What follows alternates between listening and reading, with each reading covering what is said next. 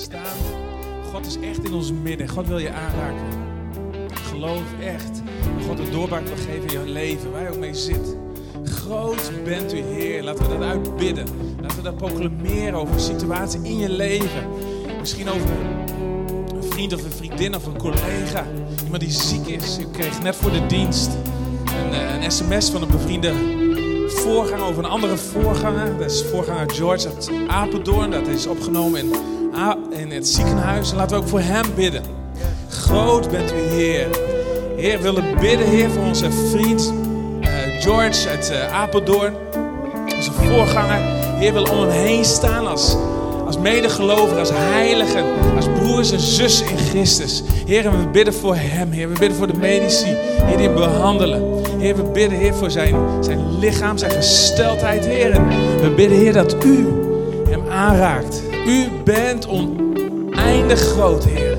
Heer, en meer kunt u doen, Heer, dan wij bidden of beseffen. Zo oneindig groot bent u. Heer, we bidden voor George, voor Sylvia. Heer, omring hen met uw kracht. Heer, met uw aanwezigheid, met uw heilige geest. U bent God. Groot bent u, Heer. In elke situatie. Heer, van ons leven. Als we op de heuveltop staan, ook als we in het dal staan. U bent groot. U bent dezelfde God. U bent het licht van deze wereld. U bent onze genezer.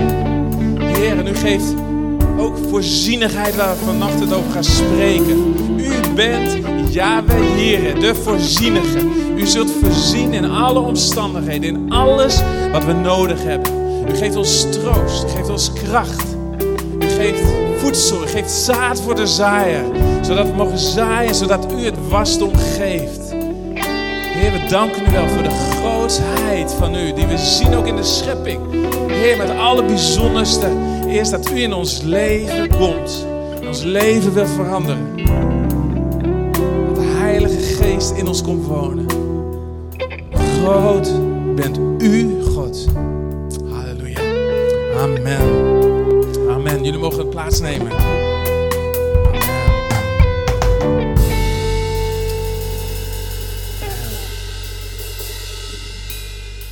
Zo. Vandaag week 2 van onze serie. Net voor de dienst sprak ik met iemand. En, eh, en die zei, je moet zo spreken.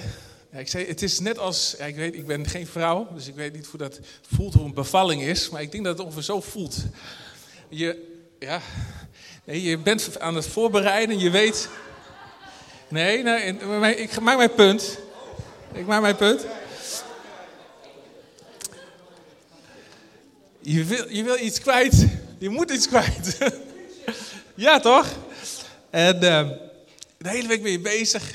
En uh, het komt echt tot een uh, ja, climax. En je bent zo gezegend door het woord van God. En je wil erover spreken. En nogmaals, ik weet helemaal niet hoe dat voelt. maar het voelt als, voor mij, ik moet het, ik moet het kwijt. Het brandt op mijn hart. En om te delen. Vorige week hebben we gesproken. Oh, dat was niet zo'n goede introductie voor mij hoor ik. Gelijk spanning in de zaal. Vorige week hebben we gesproken over de noodzaak van redding. En redding is het kernwoord in de Romeinenbrief. Basisvers in Romeinenbrief, in Romeinen 1, vers 16, is: Ik schaam mij het evangelie niet, want het is een kracht van God voor redding, voor een ieder die gelooft. Eerst voor de Jood, maar ook voor de Griek, want er staat geschreven: De rechtvaardige zal uit geloof leven. Habakkuk 2, vers 14.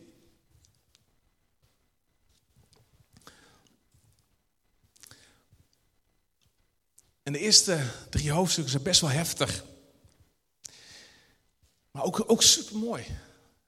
We zien hier dat alle mensen God zien in de schepping. Wat onzichtbaar is van God, wordt zichtbaar in zijn schepping.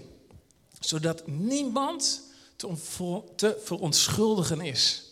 God wordt zichtbaar in de schepping. Alleen, we zien ook de breuklijn van de zonde in de wereld. We zien egoïsme, we zien uh, zelfgerichtheid. We zien ja, de, de gevolgen. We zien de ziekte, we zien verdriet, we zien verslavingen. We zien dat dingen niet goed gaan in deze, deze wereld. Maar we zien ook in de schepping dat God een geweldig plan heeft. Hij is de grote ontwerper. Hij is de ik ben die ik ben. Die nooit veranderd zal worden. Deze week had ik nog een discussie met, of de, een discussie met mijn, uh, met mijn zoon Judah daarover van, God is oneindig. Kun je dat voorstellen? We kunnen dat niet voorstellen. Ja, bij ons, alles moet een begin hebben en een, ander, en een einde in, in, in tijd, maar ook in materie. God is oneindig. En de wetenschappers komen er ook steeds meer achter dat het heelal is oneindig. Hoe kun je dat wetenschappelijk vaststellen? Oneindig groot. God is oneindig. Er komt geen einde aan zijn grootheid. Maar ons probleem is dat wij God niet willen erkennen. Romeinen 1 vers 28. En we willen hem niet verheerlijken, Romeinen 1 vers 21. En we willen hem niet danken. En daardoor wordt ons hart verduisterd. We worden verduisterd in ons denken. De onwetendheid regeert. En we doen maar ja, wat ons goed dunkt. En de conclusie van Paulus is ook dat we zijn allemaal afgeweken. Niemand is er die ook maar goed doet. Die God echt zoekt. We hebben vorige week gezien in, de psalm, psalm 14, psalm 53, Jezaja 53. Dat dat de conclusie is. En Paulus quote dat in de eerste hoofdstukken.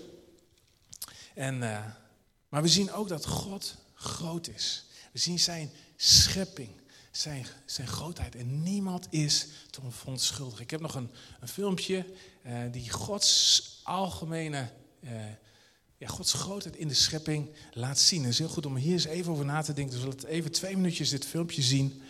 Waarin we God zien, ook in de, in de schepping.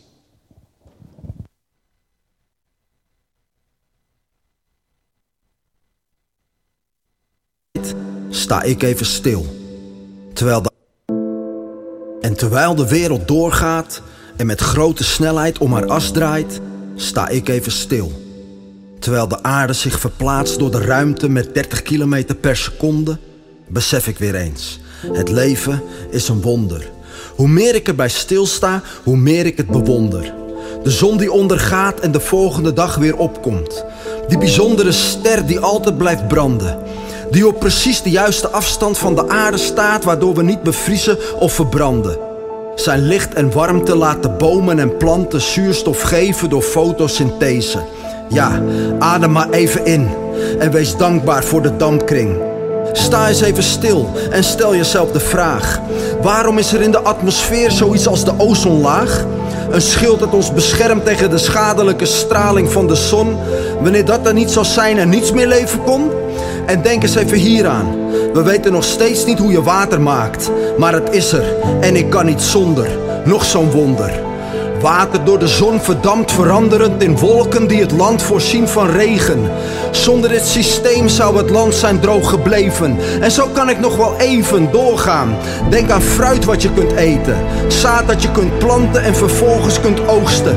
De vier seizoenen en oogstrelende bloemen in alle kleuren en met heerlijke geuren. En de bijen die ze bestuiven. En ik dit alles waar kan nemen met mijn vijf zintuigen. Zien, horen, voelen, proeven, ruiken. Is het allemaal geluk? Of is dit alles geschapen? Gewoon een lucky planet? Of is er toch een maker? Die alles zo perfect in elkaar heeft gezet.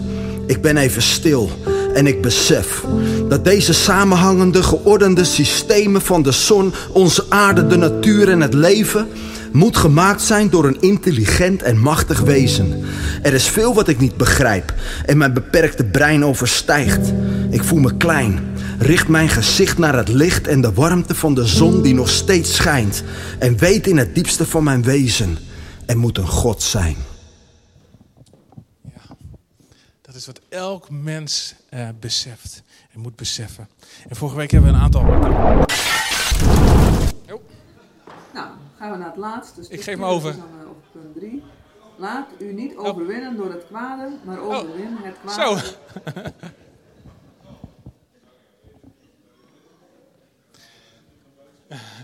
Trinkje heeft even zendtijd gekregen, had het niet door. Ja. Ja. Oké. Ja. Vorige week hebben we even gesproken, we een aantal foto's laten zien. En uh, we gaan het niet herhalen, maar ik heb toch even een, een, paar fotootjes nog even die zo bijzonder zijn. Waarin je ook ziet dat God een schepper is. Tot in detail alles ordent. Hij is een God van orde, niet van wanorde. Je ziet bijvoorbeeld in de, in de iris, je oog is uniek. Als je eens denkt, ja, wat ben ik nou? Wat stel ik nou voor? Je bent uniek. Kijk alleen maar eens naar je, naar je ogen. Is uniek. Is niemand in de wereld die zo'n mooi oog heeft als jij. Die zo uniek is. Maar ook je tong is uniek. De afdruk van je tong is een beetje lastig om dan uh, je tong te scannen overal. Maar dat zou theoretisch uh, uh, zou dat kunnen. Is ook uniek. Is niemand die zo'n tong heeft als jij. Ongelooflijk. En uh, ik zag deze ook uh, volgende. Dit is een rechterpoot van een mannelijke kever. Is dat niet wonderlijk? Als ik iets zou maken, dan zou ik denken, nou, een beestje is gemaakt. Hè, nou, je moet ook poten hebben, even snel. Nee, maar in alle details is zo geordend. Alles is over nagedacht. En... Uh, en ik heb nog drie plaatjes, dan stop ik ook hoor. Maar van sneeuwvlokken. Dit is toch ook gewoon pure perfectie, pure kunst. En wat God laat zien. En geen één sneeuwvlok is hetzelfde. Dit is het eerste plaatje. Als je de volgende laat zien, is het alweer heel anders. Nou, nog eentje. Dit is toch gewoon geweldig. En één sneeuwvlok. Wat is nou één sneeuwvlok waard? Hè? Die, die dwarrelt even van, van boven naar beneden. En nou, als het een seconde zou plakken ergens, hè, dan zien we het niet meer. Hè, maar in een sneeuwvlok zie je Gods grootheid. En, en hoe meer we ook kunnen, uh, techniek ook beter wordt, hoe, meer we, of hoe beter we dit ook kunnen vastleggen. En hoe wonderlijker het ook is uh, om God te zien. Maar de conclusie is, we willen God niet erkennen. Dat is de strijd van de mens die steeds doorgaat. En, en uiteindelijk willen we een, de mens verhogen, de mens eren of een menselijk systeem. We willen een afgoden hebben die wij zelf maken. We hebben de waarheid, eh, Romein 1 vers 25, we hebben de waarheid van God vervangen door de leugen en het schepsel vereerd. En gediend boven de schepper. De Grieken die vereerden het menselijk lichaam. en uh, dat waren goden. Een obsessie uh, ja, van, het, van het lichaam. spieren en, en, en, getraind zijn. En, nou, in deze samenleving zien we eigenlijk ook eigenlijk dezelfde afgoderij weer terugkeren. Maar als je dan zo leest, denk je van, oh jongen, dit is best wel, uh, best wel heftig. Maar hier zijn we gekomen, hier zijn vorige week geëindigd. Dat is in Romeinen 3, vers 21. Dus sla met mij op. En als jij kunt omcirkelen twee woorden, dan vraag ik je om dat nu te doen. Of misschien zelfs op je mobiel kun je ook een mooie stift pakken. En uh, maak het maar eens een kleurtje. Romeinen 3, vers 21. Twee woorden, maar nu. Is cruciaal in de Romeinenbrief. Maar nu. Zou je denken, nou, zijn dat dan voor bijzondere woorden? Nou, dat zijn hele bijzondere woorden. Want Paulus stond op in de eerste drie hoofdstukken. Uh, ons leven zonder God. En dat is geen goed beeld. We zijn afgescheiden van God. Niemand kan tippen aan Gods heerlijkheid. Maar God in zichzelf is de voorzienige. God voorziet in onze noden.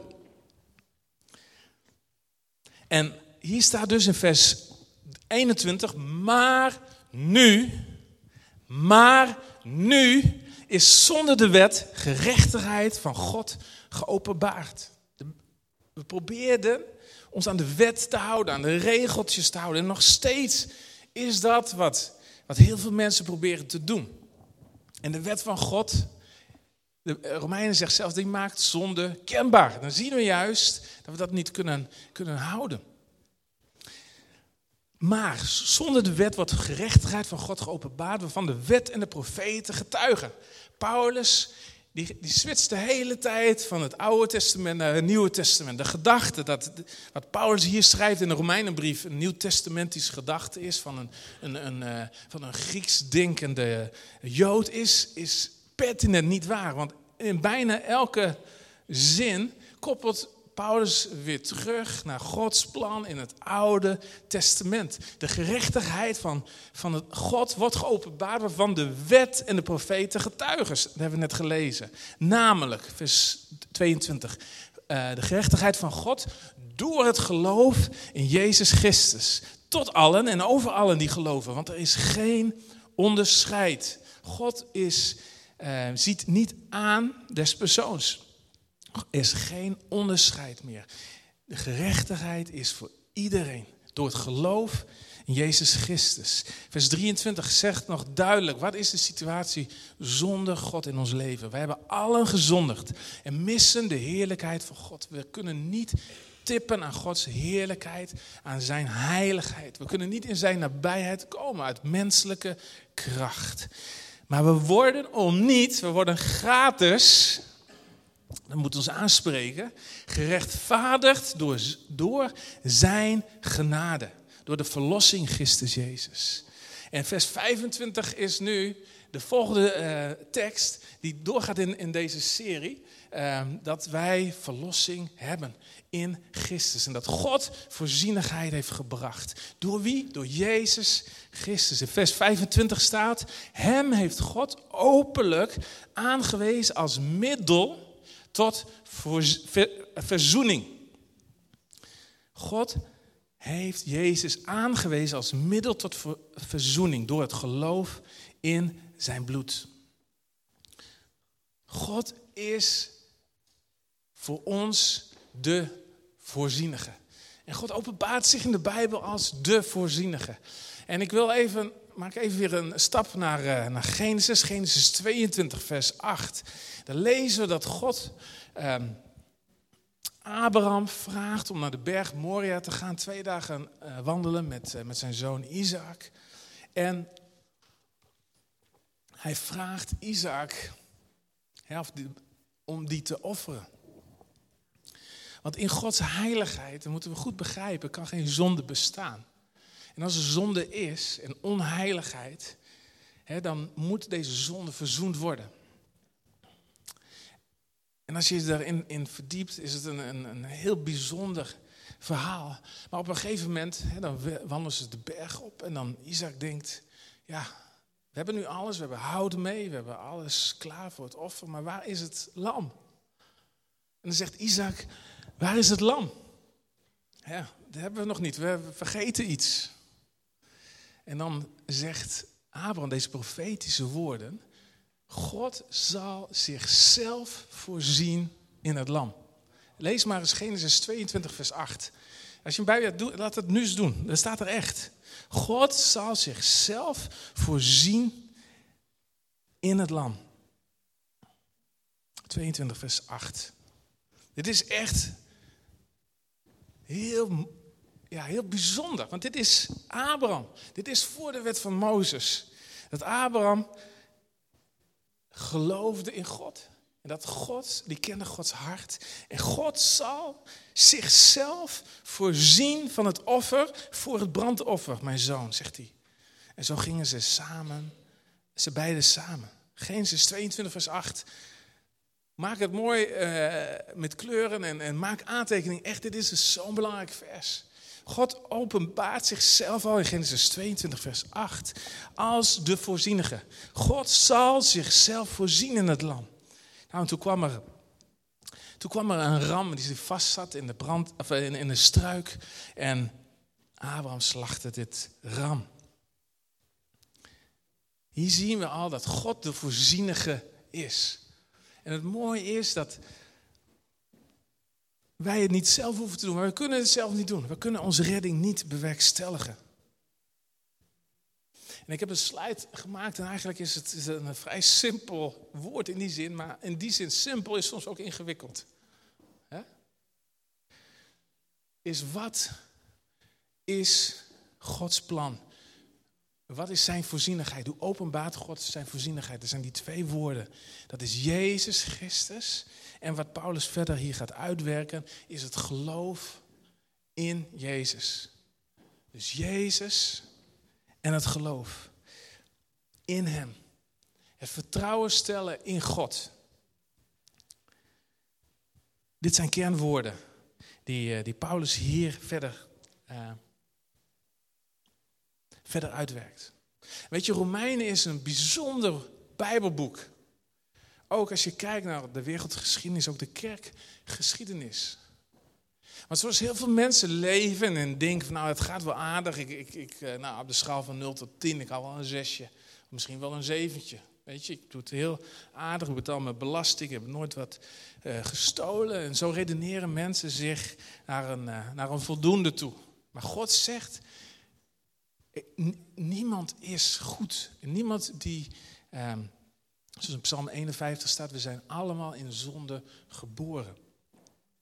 Dat komt door de breuklijn die er is, door de zonneval.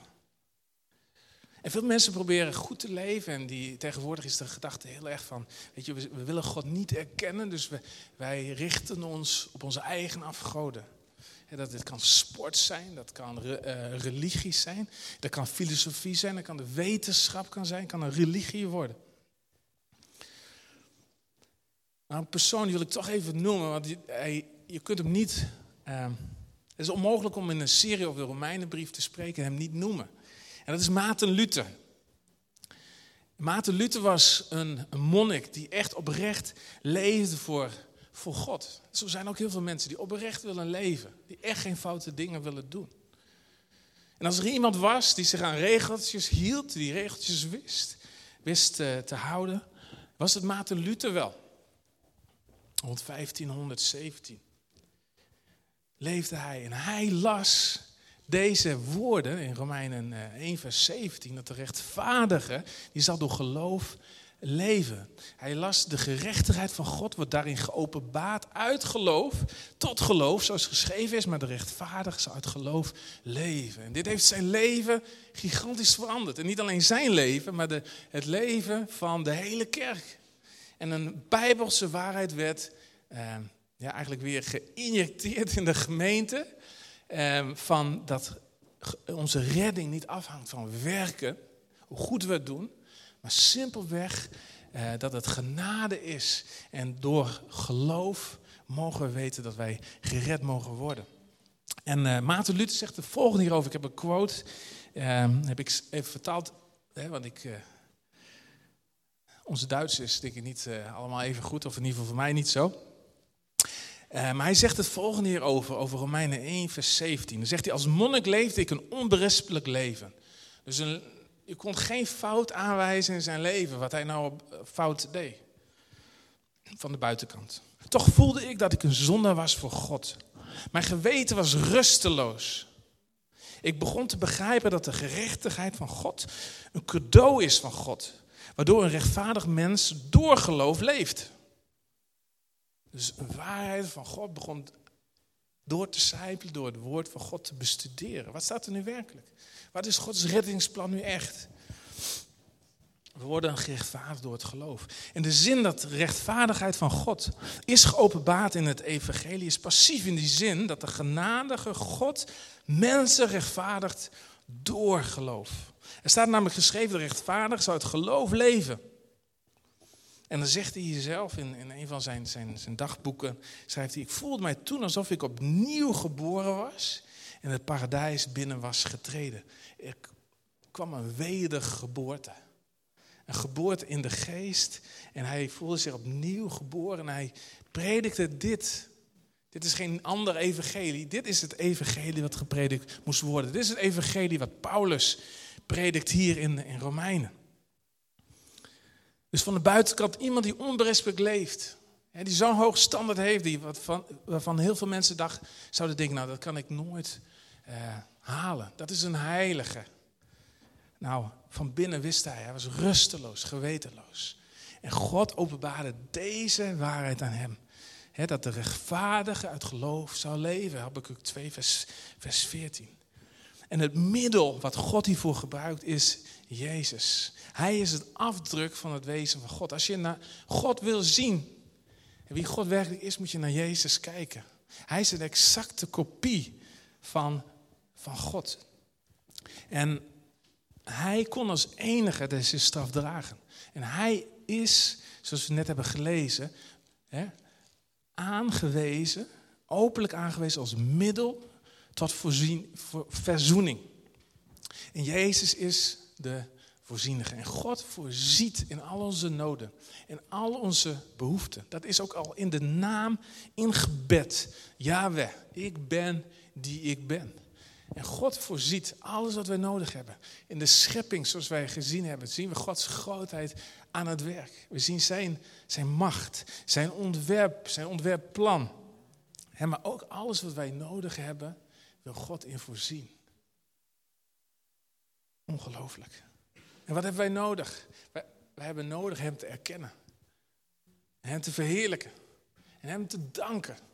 En dan wordt ons hart wordt vervuld met Zijn goedheid en Zijn inzicht. En dan krijgen we de geest van God, de geest van wijsheid. En dan zien we werkelijk hoe de dingen werkelijk zitten. Paulus maakt hier in Romeinen 4 een meesterzet. Meesterzet, echt. Want het publiek is half Joods, half heidens. En de Joden die dachten van, wij hebben toch wel een streepje voor. Wij hebben de wet. En wij weten wie God is. Wij zijn in ieder geval een stukje beter dan, dan zij. Hunnie en zully, hè, zo. Wijzen. En Paulus maakt hier een meesterzet. En dit is ongelooflijk belangrijk. En dit is echt een twist in de plot. Als je, als je een, een, boek leest en denkt van, nou, dat had ik nou niet verwacht. Nou, dat is Romeinen 4. Want tot die tijd, en heel veel fariseeën de sadduceeën, die dagelijks in, in het woord waren uh, uh, studeren en met God bezig waren. Die, die zaten helemaal op de lijn van Gods wetten moet je volbrengen. Gods wet moet je, moet je doen. En dat is de middel om gerechtvaardigd te worden. En Paulus die schrijft hier, en daar begint hij al eerder mee in, in uh, Romein 1 vers 17. Dan quote die Habakkuk 2, dat het al in Gods plan is dat de rechtvaardige door geloof zal leven. De rechtvaardige zal niet leven door de wet te volbrengen en 100% te voldoen. Gods hart wordt daar al in zichtbaar. Maar hij gaat hier een stapje verder en hij gebruikt Abraham, die dus de aartsvader is van het Joodse volk. Ook onze aartsvader. En hij zegt hier in Romeinen 4 vers 3, want wat zegt de schrift? En Abraham geloofde God en het is hem tot gerechtigheid gerekend. Nou, dan moeten we even in context plaatsen. Wat is hier nu gebeurd? Hij zegt zelfs Abraham die geloofde in God en het werd hem tot gerechtigheid gerekend. Nou, dan moeten we even naar Genesis, Genesis 15. Wat gebeurt hier?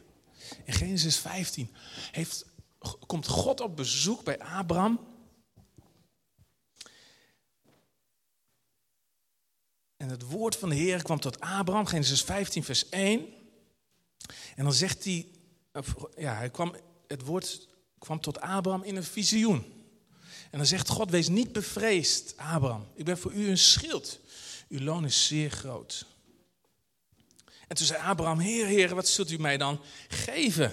Aangezien ik kinderloos heen ga en de bezitter van mijn huis, deze Eliezer uit Damascus zal zijn.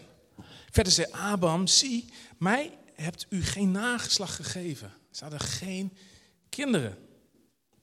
Abraham en Sarah, geen kinderen, waren op hoge leeftijd. Hij was, hij was uh, 90 en, en Sarah was 100 of net andersom. Net andersom, hè? Ja. Het is goed dat er uh, kinderwerkers zijn die weten die. Uh, hè? Hoge leeftijd, 90 en 100. Ik ben kinderloos gebleven. Er is niemand in mijn huis geboren. Niemand zal mijn erfgenaam zijn, vers 3. Maar zie, het woord van de Heer kwam tot hem. Deze man zal uw erfgenaam niet zijn, maar iemand die uit uw eigen lichaam voortkomt, die zal uw erfgenaam zijn. Toen leidde hij hem naar buiten en zei, kijk toch naar de hemel en tel de sterren, als u ze kunt tellen. We weten nu al, er zijn er miljarden. Het is niet te tellen. En hij zei tegen hem, zo talrijk zal uw nageslacht zijn. Nou, en dit is nu het vers wat Paulus nu neemt als basisvers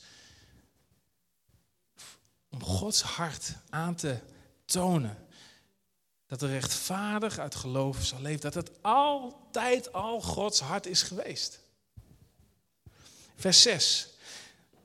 Dus Genesis 15, vers 6. En hij geloofde in de Heer en die rekende hem tot gerechtigheid.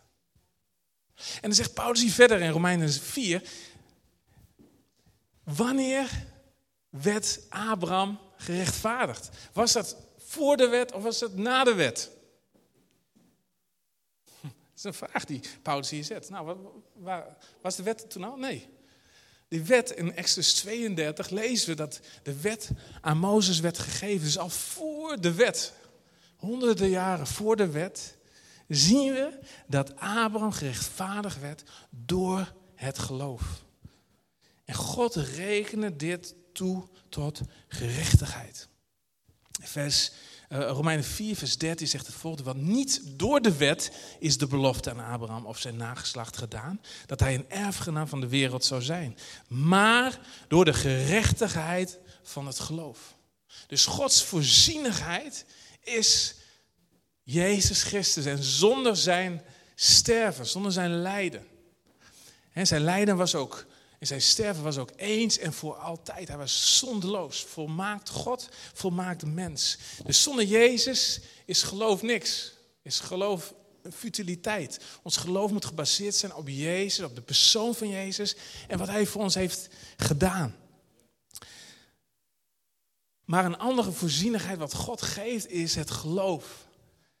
Geloof in het offer van Jezus gisteren, dat het genade is, een onverdiende gunst. Ons vertrouwen die we leggen op Jezus en op Hem alleen.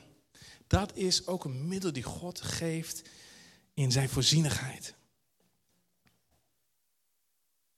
Geloof is een cadeau van God, is ook een gave van God. Want we hebben het toch gezien dat alle mensen uit hunzelf, niemand doet goed. Niemand die God echt dient. Dus niemand gaat op, een, op helemaal vanuit zichzelf op een gegeven moment zeggen: Ja, maar ik ga toch mijn geloof, mijn hele leven, al mijn hebben en houden stellen op, op Jezus. Nee, het is een gave die God geeft en die wij kunnen beantwoorden door te zeggen wat Romeinen 10 ook eh, gaat, gaat zeggen. Met onze mond beleiden wij tot behoudenis en met, met onze hart geloven wij tot gerechtigheid. In Efeze 2 vers 8 staat het volgende namelijk. Er staat, Efeze 2 vers 8, het is een heel belangrijk vers. Dit is ook uh, zeker waardig om uh, te onderstrepen, kleurtje te geven. Efeze 2, vers 8 staat, want uit genade bent u zalig geworden. Uit genade ben je gered door het geloof. En dat niet uit u, dat is heel belangrijk. Dat is niet uit onszelf. Het is de gave van God. Dat wij uit genade zalig zijn geworden door het geloof, is niet vanuit onszelf, maar het is een gave van God. Het is een cadeau van God. Het is waarin God zijn voorzienigheid laat zien. Hij voorziet erin dat we door het geloof mogen weten dat we uit genade gered zijn. Het is een gave van God, niet uit werken, opdat niemand zal roemen. In Handelingen 3 vers 16 staat dat het uh, geloof is er door hem, door Jezus. Hem heeft hij in aanwezigheid van u allen deze volkomenheid, uh, uh, volkomen gezond gemaakt. Het geloof is er door Jezus. In Filippenzen 1, vers 29 staat aan ons, want aan u is het uit genade gegeven in de zaak van Christus, eh, niet alleen hem te geloven, maar ook voor hem te lijden. Uit genade is het eh, aan ons gegeven om niet alleen hem te geloven, maar ook voor hem te lijden. God initieert hier geloof. Maar God maakt het ook mogelijk dat wij, uh, dit is een heel bijzondere samenwerking. Het is een gave van God. Maar God wil met ons zichzelf openbaren en dat we op een gegeven moment zien van ja, dit wil ik. Dit is een cadeau. En God geeft ons een gave van geloof. en zo worden wij een kind van God. En zo laat God zijn voorzienigheid ook, ook zien. En wij mogen ja zeggen hiertegen. En een theoloog zegt het volgende. God voorziet niet alleen in onze redding, maar hij geeft ook ons geloof. Om te geloven in zijn redding. Dus geloof wordt gegeven aan ieder door God. En ieder die op de naam van de Heer roept. In Romeinen 10 staat ieder die de naam van de Heer aanroept, zal behouden worden. Het is een samenwerking op een gegeven moment, maar God initieert en God maakt het mogelijk dat wij, gaan, dat wij gaan geloven. Dat is niet uit menselijke drive, menselijke kunnen. Nee, het is iets wonderlijk. God, God kan je soms zo raken. En dat vind ik zo mooi om te zien van een bekering. Dat op een gegeven moment je het, God gewoon over je komt en zegt, ja, dit is het. Ik ben zondig, ik heb u nodig. Kom in mijn leven. Nou, en dan is het uit is ons genade gegeven hè, om in de zaak van Christus te geloven. Niet alleen te geloven, maar ook voor Hem te willen leiden. Ons hele leven aan Hem te geven.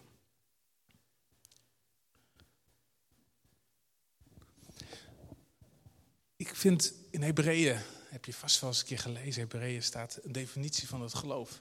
Geloof is de zekerheid van de dingen die je niet ziet. Ja? Ja.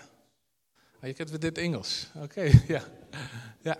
Is er zekerheid van dingen die je niet ziet. En door het geloof weten we dat het onzichtbare van God zichtbaar wordt in de, in de schepping.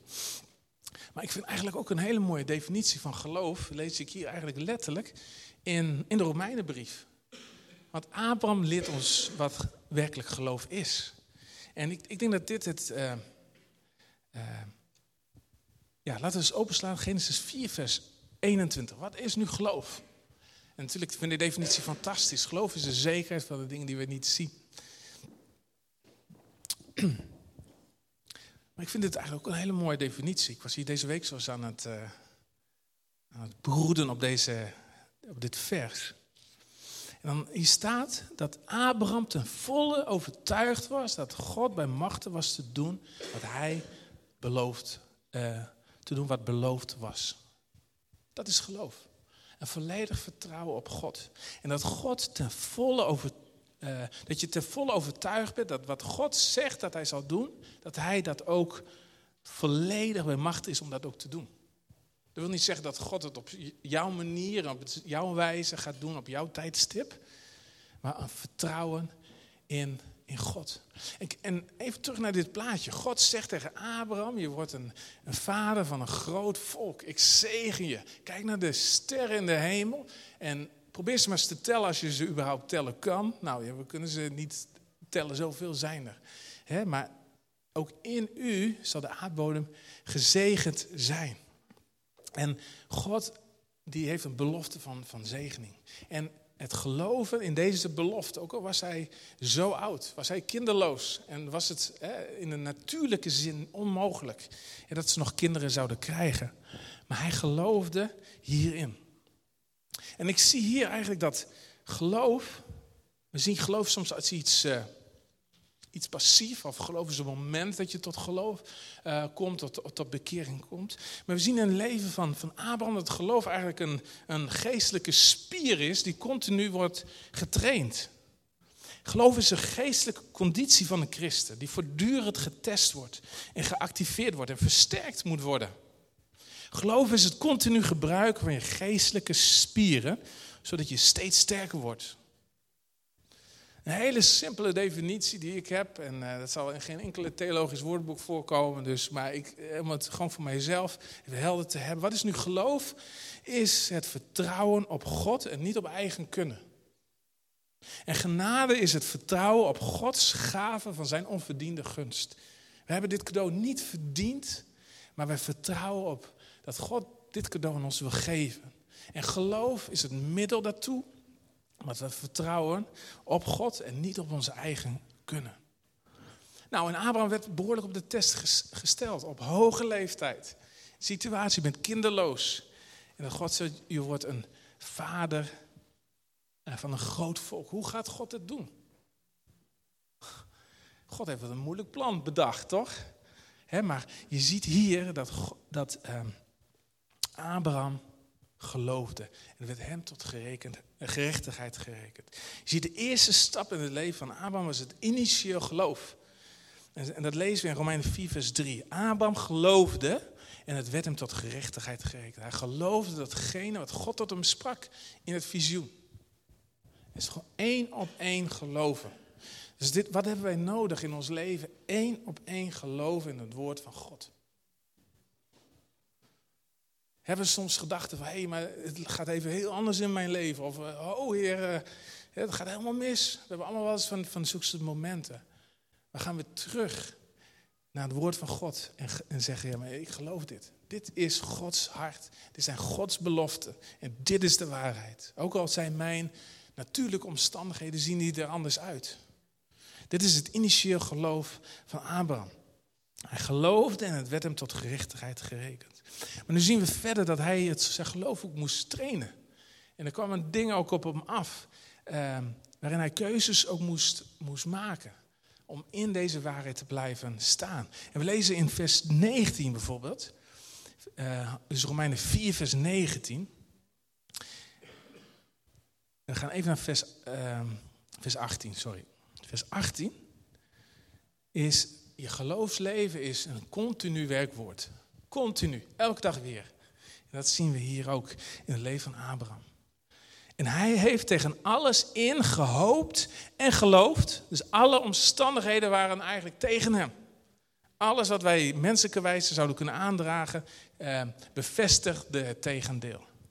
Maar tegen alles in heeft hij gehoopt en geloofd dat hij een vader van vele volken zou worden. Dus Romeinen 4, vers 18. Overeenkomstig wat gezegd was. Zo zal uw nageslacht zijn. En vers 19 zegt, en hij werd niet verzwakt in het geloof. Zijn geloofsspier bleef sterk. He, werd, werd getraind. En was een, was, was een, een, eh, een sterke spier geworden. Hij werd niet verzwakt in het geloof. En heeft hij er niet op gelet dat zijn eigen lichaam reeds verstorven was. Want hij was ongeveer 100 jaar oud. En dat ook de moederschoot van Sarah verstorven was.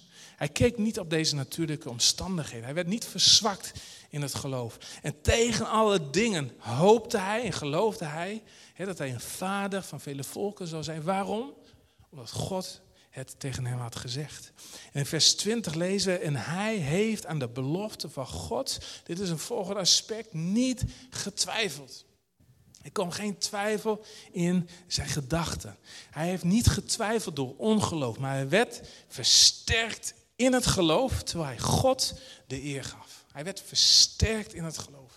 Er kwam geen twijfel. Tegen alles in hoopte en hij geloofde dat de woorden van God waar waren. En, en zijn geloof werd juist versterkt. werd zelfs sterker, terwijl het in het natuurlijk niet zichtbaar was. Voor een lange tijd. En zijn geloof werd versterkt. Hoe werd zijn geloof versterkt? Hoe? Het staat gewoon in de zin. Wat is het laatste deel van de zin? Ja, omdat hij God de eer gaf. Zo werd zijn geloof versterkt. Hij gaf God de eer. En dan de volgende vers vind ik eigenlijk een, een, definitie van wat geloof is. Hij was er ten volle van overtuigd dat God ook bemachtigd was te doen wat beloofd was. Toen Daniel in de brandende uh, vuur werd geworpen, zei hij ook: God is bij machten om mij te redden. Hij zei niet: God gaat het doen, maar God is bij machten om dat te doen. En als God mij niet gaat redden, zo uh, so be it.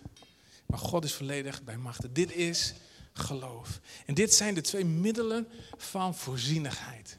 God heeft de voorzienigheid gegeven door Jezus Christus. En ons geloof, hè, en dat, nogmaals, dat is niet een, een, een, een, vechten, een eigen uh, gemaakt geloof. Nee, dat is een vertrouwen, geloofsvertrouwen op het werk en het volbrachte werk van Jezus. En daarin niet twijfelen. Maar het is een geloofsspier, een geestelijke conditie die je kunt sterken. Terwijl je God de eer blijft geven. Het is een actieve daad door geloof en, uh, en vertrouwen.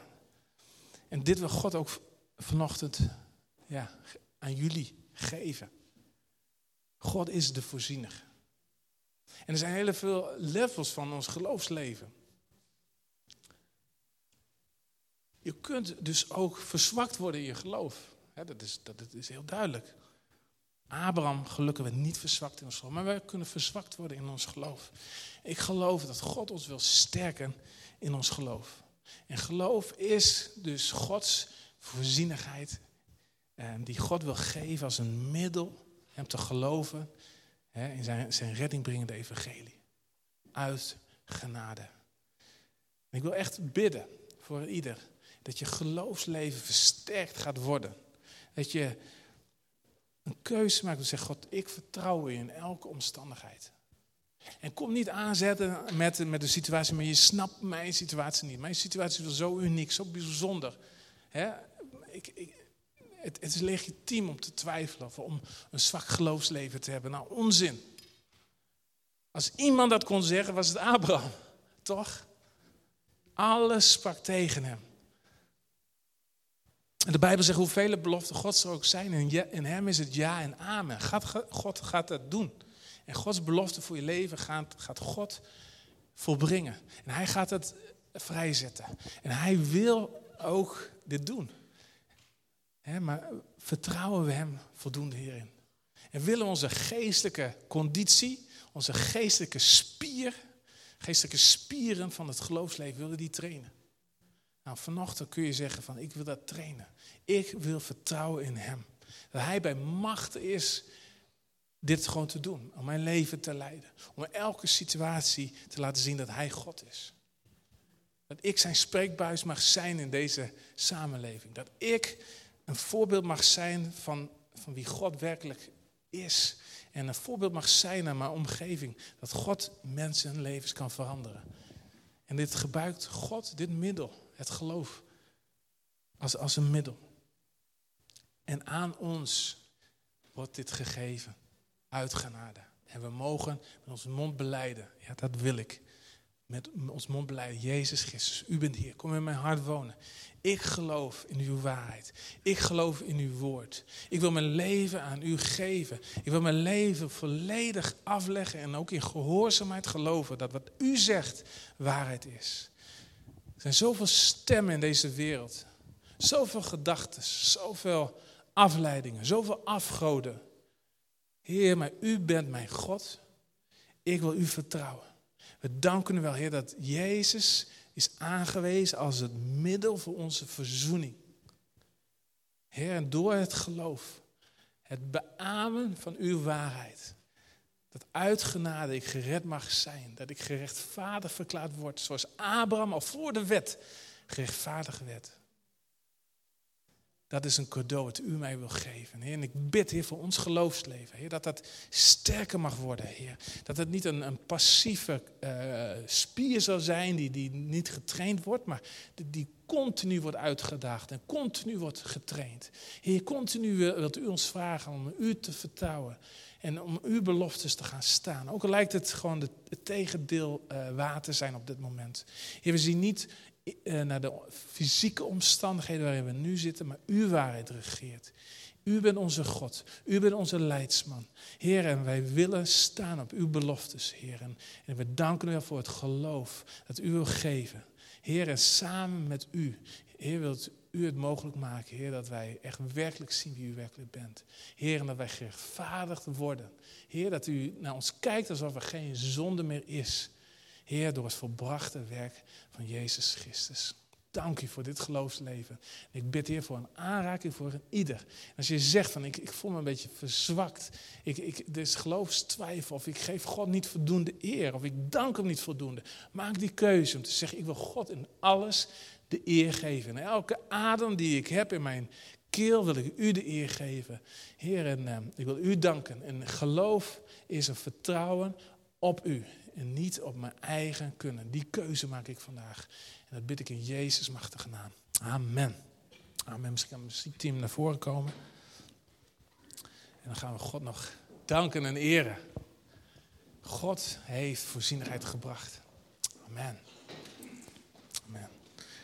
Misschien is het ook mooi om gewoon de liefdegave, als ze zo straks zingen, de liefdegave gewoon te geven. Het kan gewoon fysiek, kan via machtigingskaart.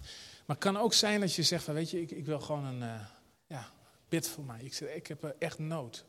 Dan willen we voor je bidden. We kunnen een machtigingskaart ook in, invullen. Uh, een contactkaart invullen of een gebedsverzoekkaart invullen. Gaan we echt voor je bidden. We geloven in de kracht van gebed. En uh, dus ga niet naar huis en je zegt van nee, maar ik, ik, heb gebed nodig. Ik heb een doorbraak nodig. Dat om je heen staan.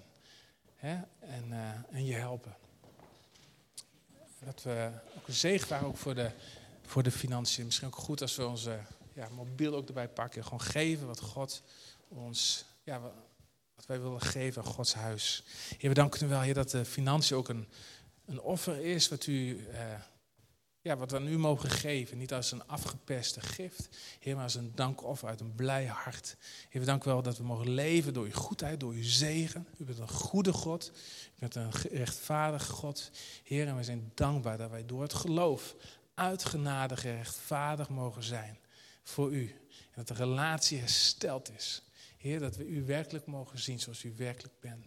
En dat u ook zegt, met vrijmoedigheid mogen we naderen tot de troon van uw genade. Er is geen, geen uh, uh, uh, scheiding meer tussen ons en u. En daar dank u voor. Jezus machtige naam. Amen.